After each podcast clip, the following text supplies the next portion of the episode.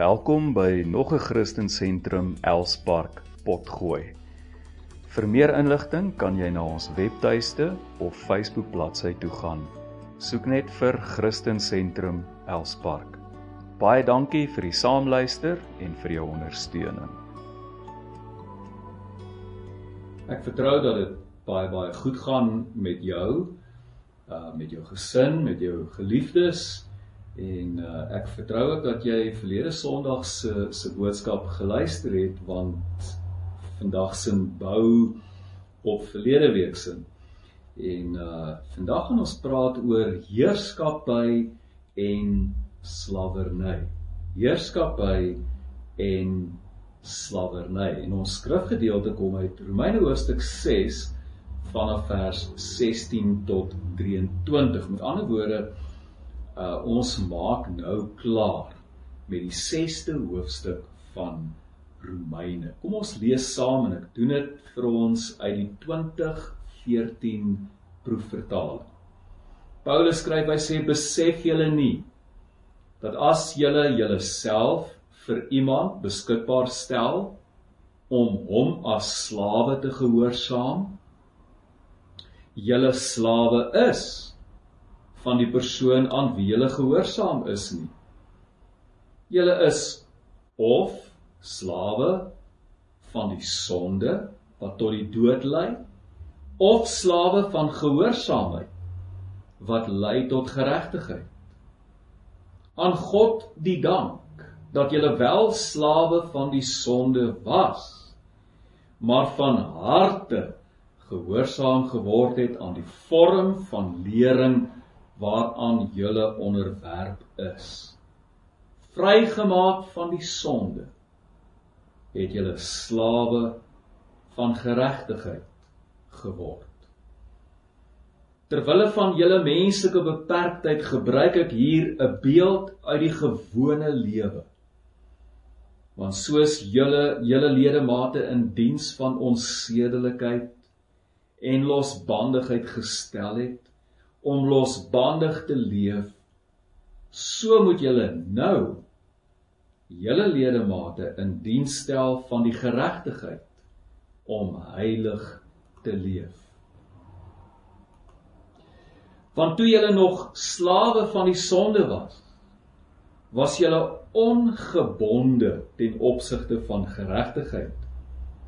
Watter vrug het julle destyds verkry? Oor hierdie dinge skaam julle julle nou. Want die uiteinde daarvan is die dood. Maar nou dat julle van die sonde vrygemaak is en diensbaar aan God geword het, lewer julle die vrug van heiligmaking en die uiteinde hiervan is die ewige lewe. Want die loon van die sonde is die dood. Maar die genadegawe van God is die ewige lewe in Christus Jesus ons Here. Tot sover ek vertrou dat die Here hierdie woord duidelik soos 'n helder lig in jou hart sal skyn sal skyn en dat hy dit in elkeen van ons se lewens sal seën.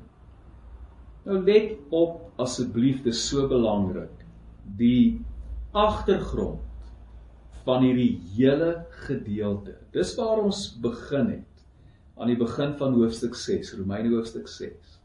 So teen die agtergrond van hierdie hele gedeelte is die doop.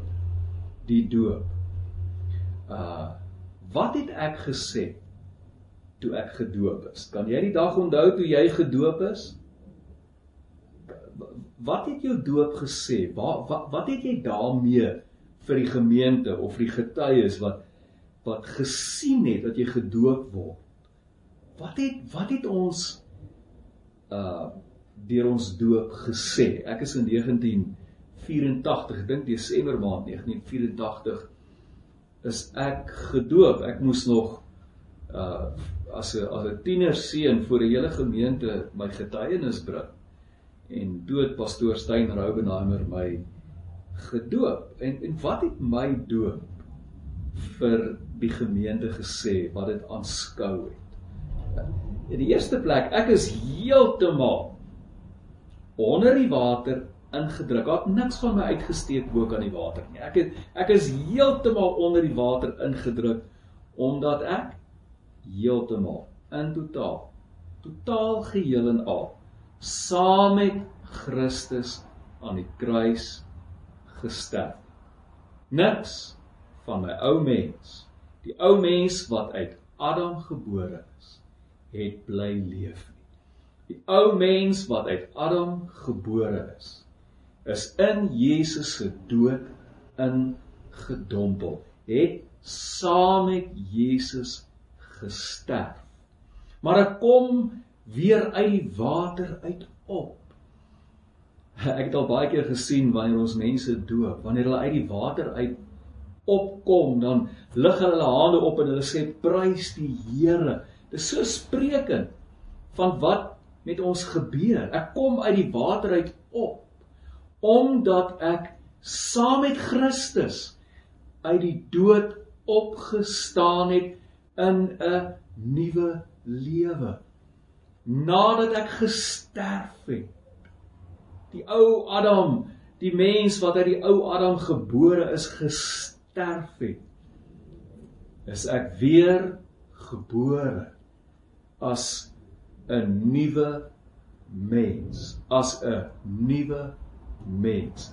'n Mense, dit alles, dit alles het gebeur deur God se genade.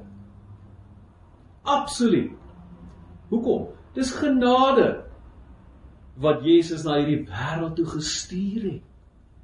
Dit is genade wat God se geliefde seun as 'n volmaakte offer vir my sonde aan die kruis gegee het. Dit is genade absoluut genade dat ek nie deur my werke nie die werke van die wet nie maar deur my geloof deur my geloof saam met Christus kon sterwe aan die kruis en werklik saam met Jesus kon opstaan in 'n nuwe lewe Ek kan onthou die heel eerste persoon in my lewe wat ek gedoop het in water. Toe sy uit die water uit opkom. Toe doop die Here haar in die Heilige Gees. Met ander woorde, die Heilige Gees word oor haar vaardig en sy begin in vreemde tale praat vir die eerste keer in haar lewe. En dit spreek so van hierdie nuwe lewe. So deur my geloof het ek saam met Christus aan die kruis gesterf, my ou mens saam met Christus opgestaan in 'n nuwe lewe. Soos Paulus sê, die ou dinge het verbygegaan. Kyk, alles het nuut geword. So die oorweldigende agtergrond van vandag se boodskap en jy mag dit nooit vergeet nie.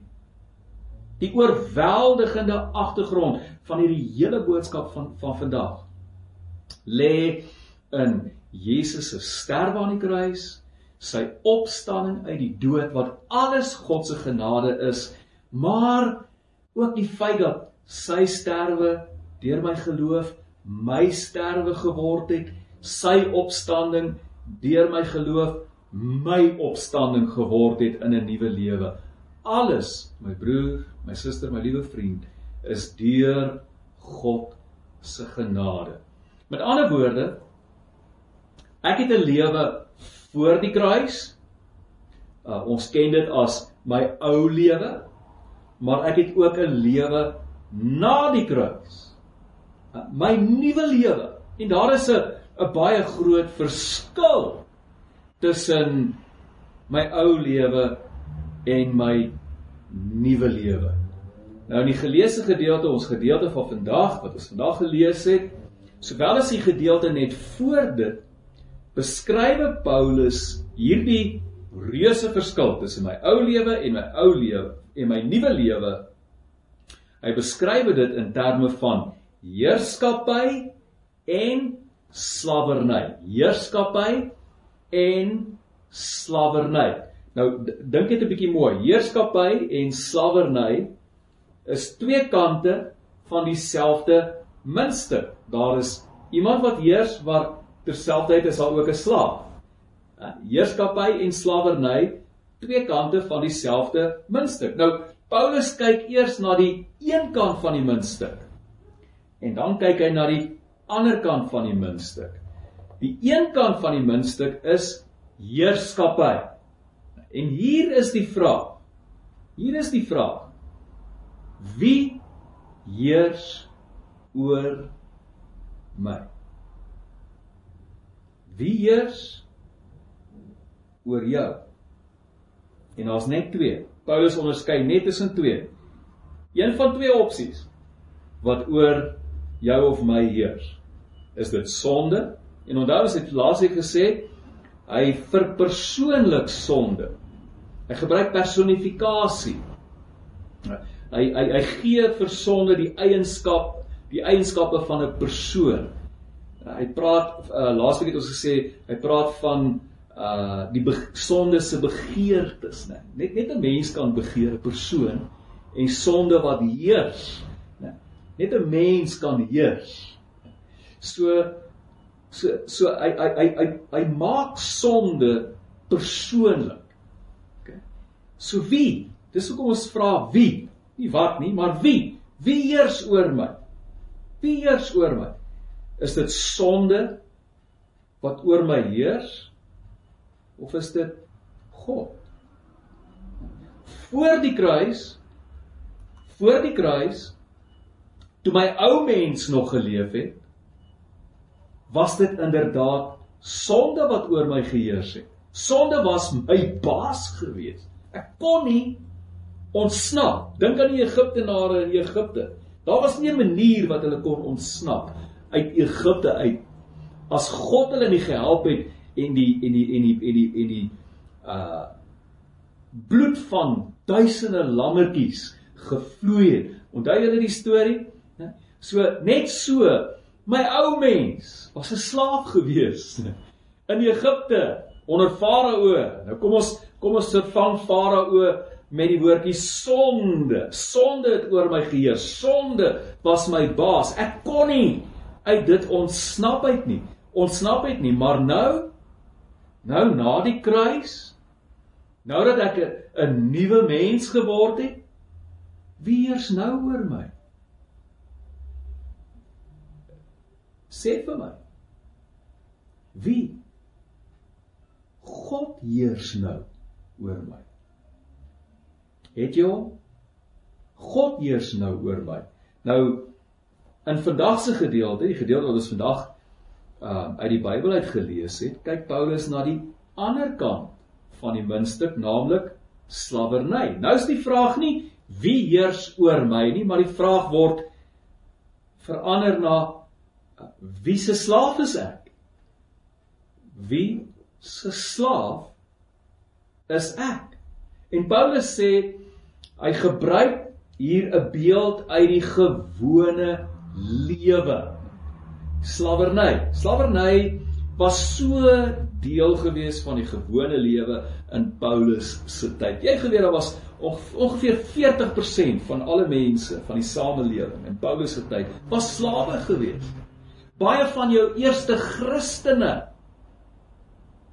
baie van jou eerste Christene was slawe gewees. OK, so slawerny is iets wat die mense van daardie tyd baie baie goed geken het. Dit was 'n bekende beeld gewees. En hulle het baie goed geweet, 'n slaaf besit absoluut niks. 'n 'n 'n slaaf besit nie eers hom of haarself nie. OK? Ek as slaaf word besit deur my eienaar. Ek is my eienaar se besitting, my eienaar se eiendom. 'n Slaaf staan 100% in diens van sy of haar eienaar en word deur die eienaar beheer. Ja, jy moet doen wat daai baas sê. Jy het nie 'n keuse nie. Jy's sy besitting. Goed. Nou, Ek dink dit is dalk nodig dat ons ook terselfdertyd hier praat oor die woordjie vryheid. Uh wat beteken dit as ons sê ek as 'n Christen is vry? Wat beteken die begrip vryheid vir my as as 'n Christen? As ek sê 'n gelowige is vrygemaak. Wat beteken dit? Let op. Voor die kruis, my ou lewe, is dit sonde wat oor my geheers het. Ek was 'n slaaf van sonde. Ek ek was uitverkoop aan sonde. Ek het aan sonde behoort. Maar nou na die kruis wat van my nuwe mens? My nuwe mens. Is my nuwe mens nou nie meer 'n slaaf nie? Is ek nou vry vry sodat ek my eie koers kan inslaan totdat ek uh in die pragtige sonsondergang op die horison verdwyn. Ek kan net maar my eie pad loop. Is dit hoe dit werk? Wie heers oor my nuwe mens? Wie heers oor my nuwe mens? En Paulus is baie duidelik hieroor. Hy sê God heers oor my nuwe mens. Wie se slaaf is ek nou? Ek is nou God se slaaf.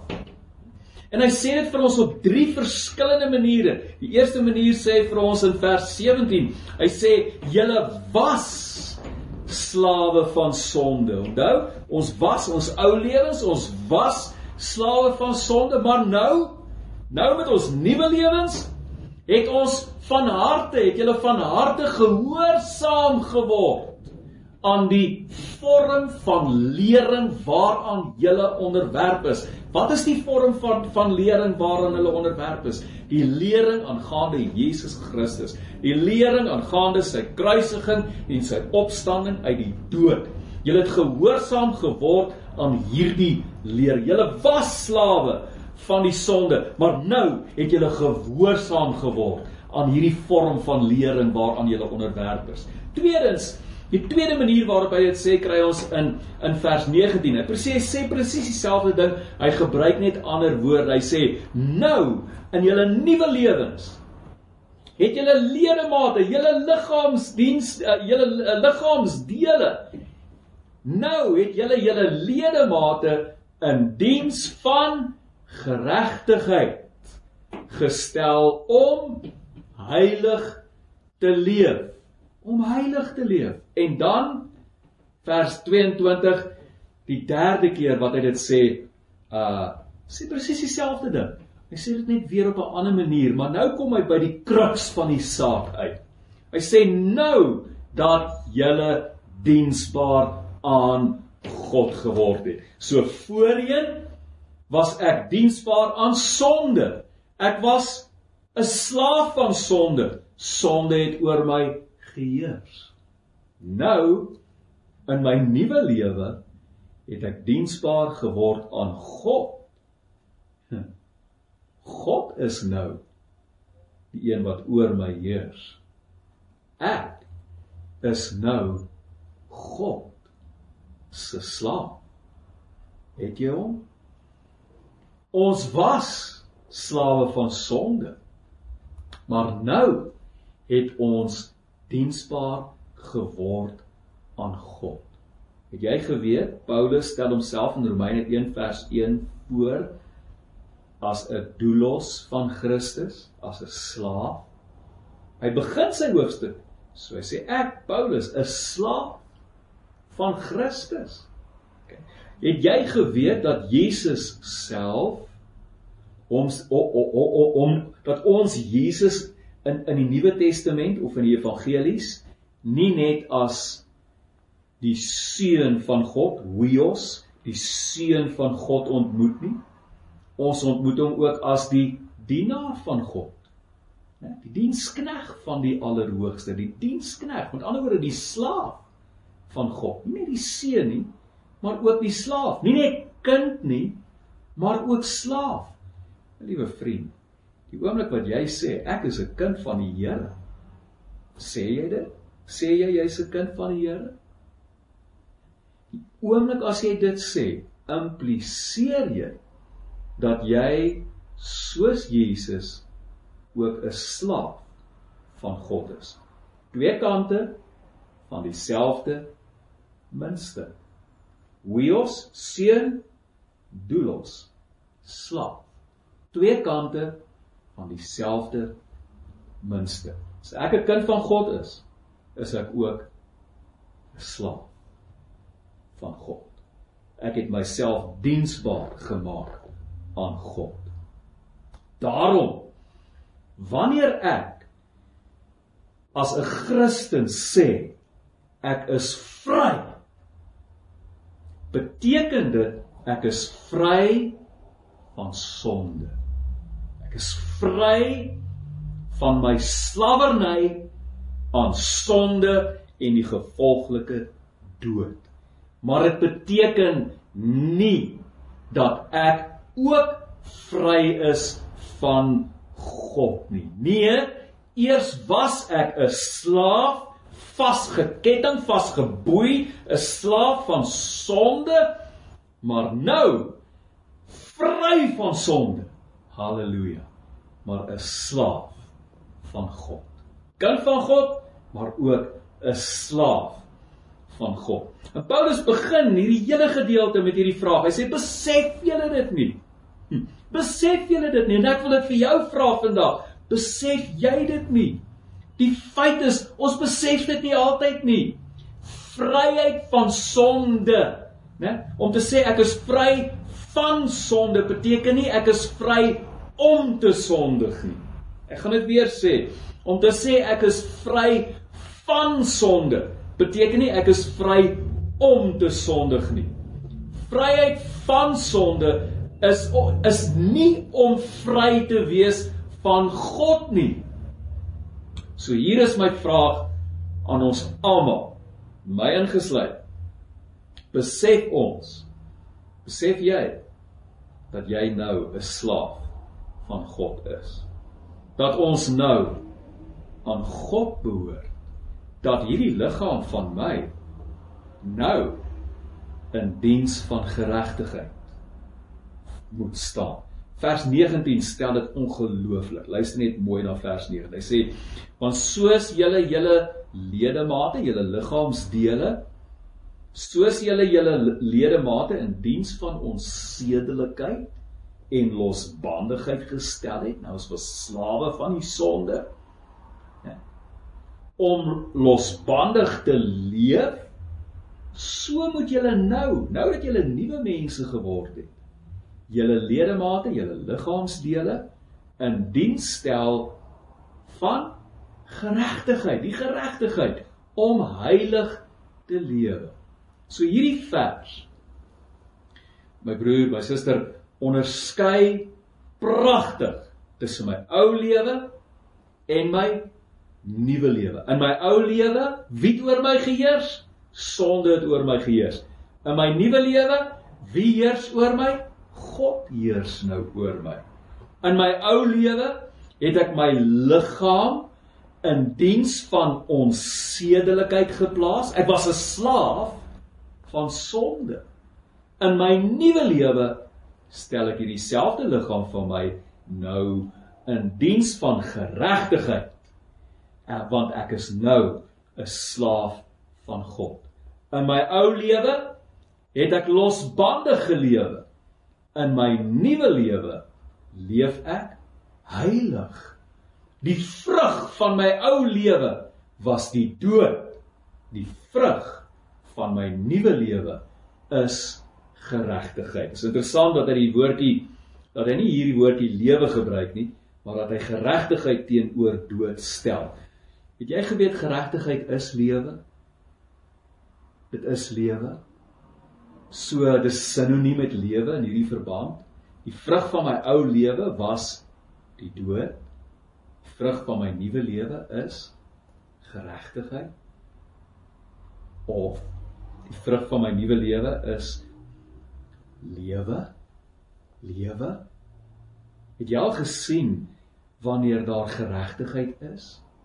Hoe begin als leef? Het jy al gesien as 'n as 'n land regeer word deur waar daar wet en orde is, waar daar reg en geregtigheid geskied, selfs aan die mees kwesbaarste mense in die gemeenskap, waar daar ware geregtigheid is, blom alles. Als begin groei, als begin lewe. Uh skielik begin daar oorvloed kom. Goed word nie meer gesteel nie ensovoorts ensovoorts ensovoorts. So jy sien, die vrug van my ou lewe. Dit kan nie anders nie. Jy weet die vrug van ongeregtigheid aan die einde van die dag begin als disintegreer en die einde daarvan is die dood. Maar die vrug van my nuwe lewe, ja, my nuwe lewe, geregtigheid, geregtigheid en die en die uiteinde daarvan is die ewige lewe, die ewige lewe. En dit alles, my vriend, is een groot genadewerk van God. Hoor mooi wat sê Paulus. Hy sê ons is vrygemaak van sonde. Hy sê nie ons het onsself vrygemaak van sonde nie. Nee nee nee. Hy sê hy, hy gebruik die die passiewe vorm, die lydende vorm. Ons is vrygemaak van sonde. Die feit is ons kon nie onsself vrymaak van sonde nie. Kan jy die wet onderhou? Ek kan nie. Ek kan nie. Ons kon nie onsself vrymaak van sonde. Nie met al die wilskrag, nie met al my wilskrag nie in die wêreld nie. Al gee my die al elke mens op die aarde se wilskrag in een pakkie saam en jy sit dit in my liggaam, sou ek dit nie kon regkry nie. Die feit is ons kon dit ons kon onsself nie vrymaak van sonde nie. Nee, ons is vrygemaak. Wie het ons vrygemaak? God het ons vrygemaak deur sy seun Jesus Christus wat aan die kruis gesterf het en uit die dood opgewek is. En deur die geloof het ons saam met hom aan die kruis gesterf. My ou lewe is verby. Verby en ons het saam met hom uit die dood uit opgestaan. Ek het met 'n nuwe lewe begin. Nie deur die wet nie, maar deur my geloof. So kom ons besef vandag. Kom ons besef, deur God se groot genade behoort ek en jy nou nie meer aan sonde nie. Ons behoort aan God. Dat ons nou net soos Paulus slawe van God slawe van die Here is. Nou verlede Sondag het ons gesê dat ons ons liggame uh nou moet stel as wapens van die lig. Onthou julle dit? Nou in ons nuwe lewens moet ek hierdie liggaam van my gebruik as 'n wapen, my vingers, my hande, my ore, my mond, my tong, my bene, my voete, my tone, my hele liggaam, my brein, my denke, my senuweestelsel, Hierdie hele liggaam van my moet nou gebruik word in my nuwe lewe as 'n wapen van die lig. Wapens van die lig wat teen die duisternis veg. Vandag se boodskap sê ons my hele liggaam elke deeltjie van my liggaam selfs my pinkie my klein toontjie my oë my ore alles my brein staan in diens van geregtigheid. Ek Johan en jy my broer wat jouself 'n Christen noem wat sê jy is weergebore wat sê met 'n nuwe lewe begin.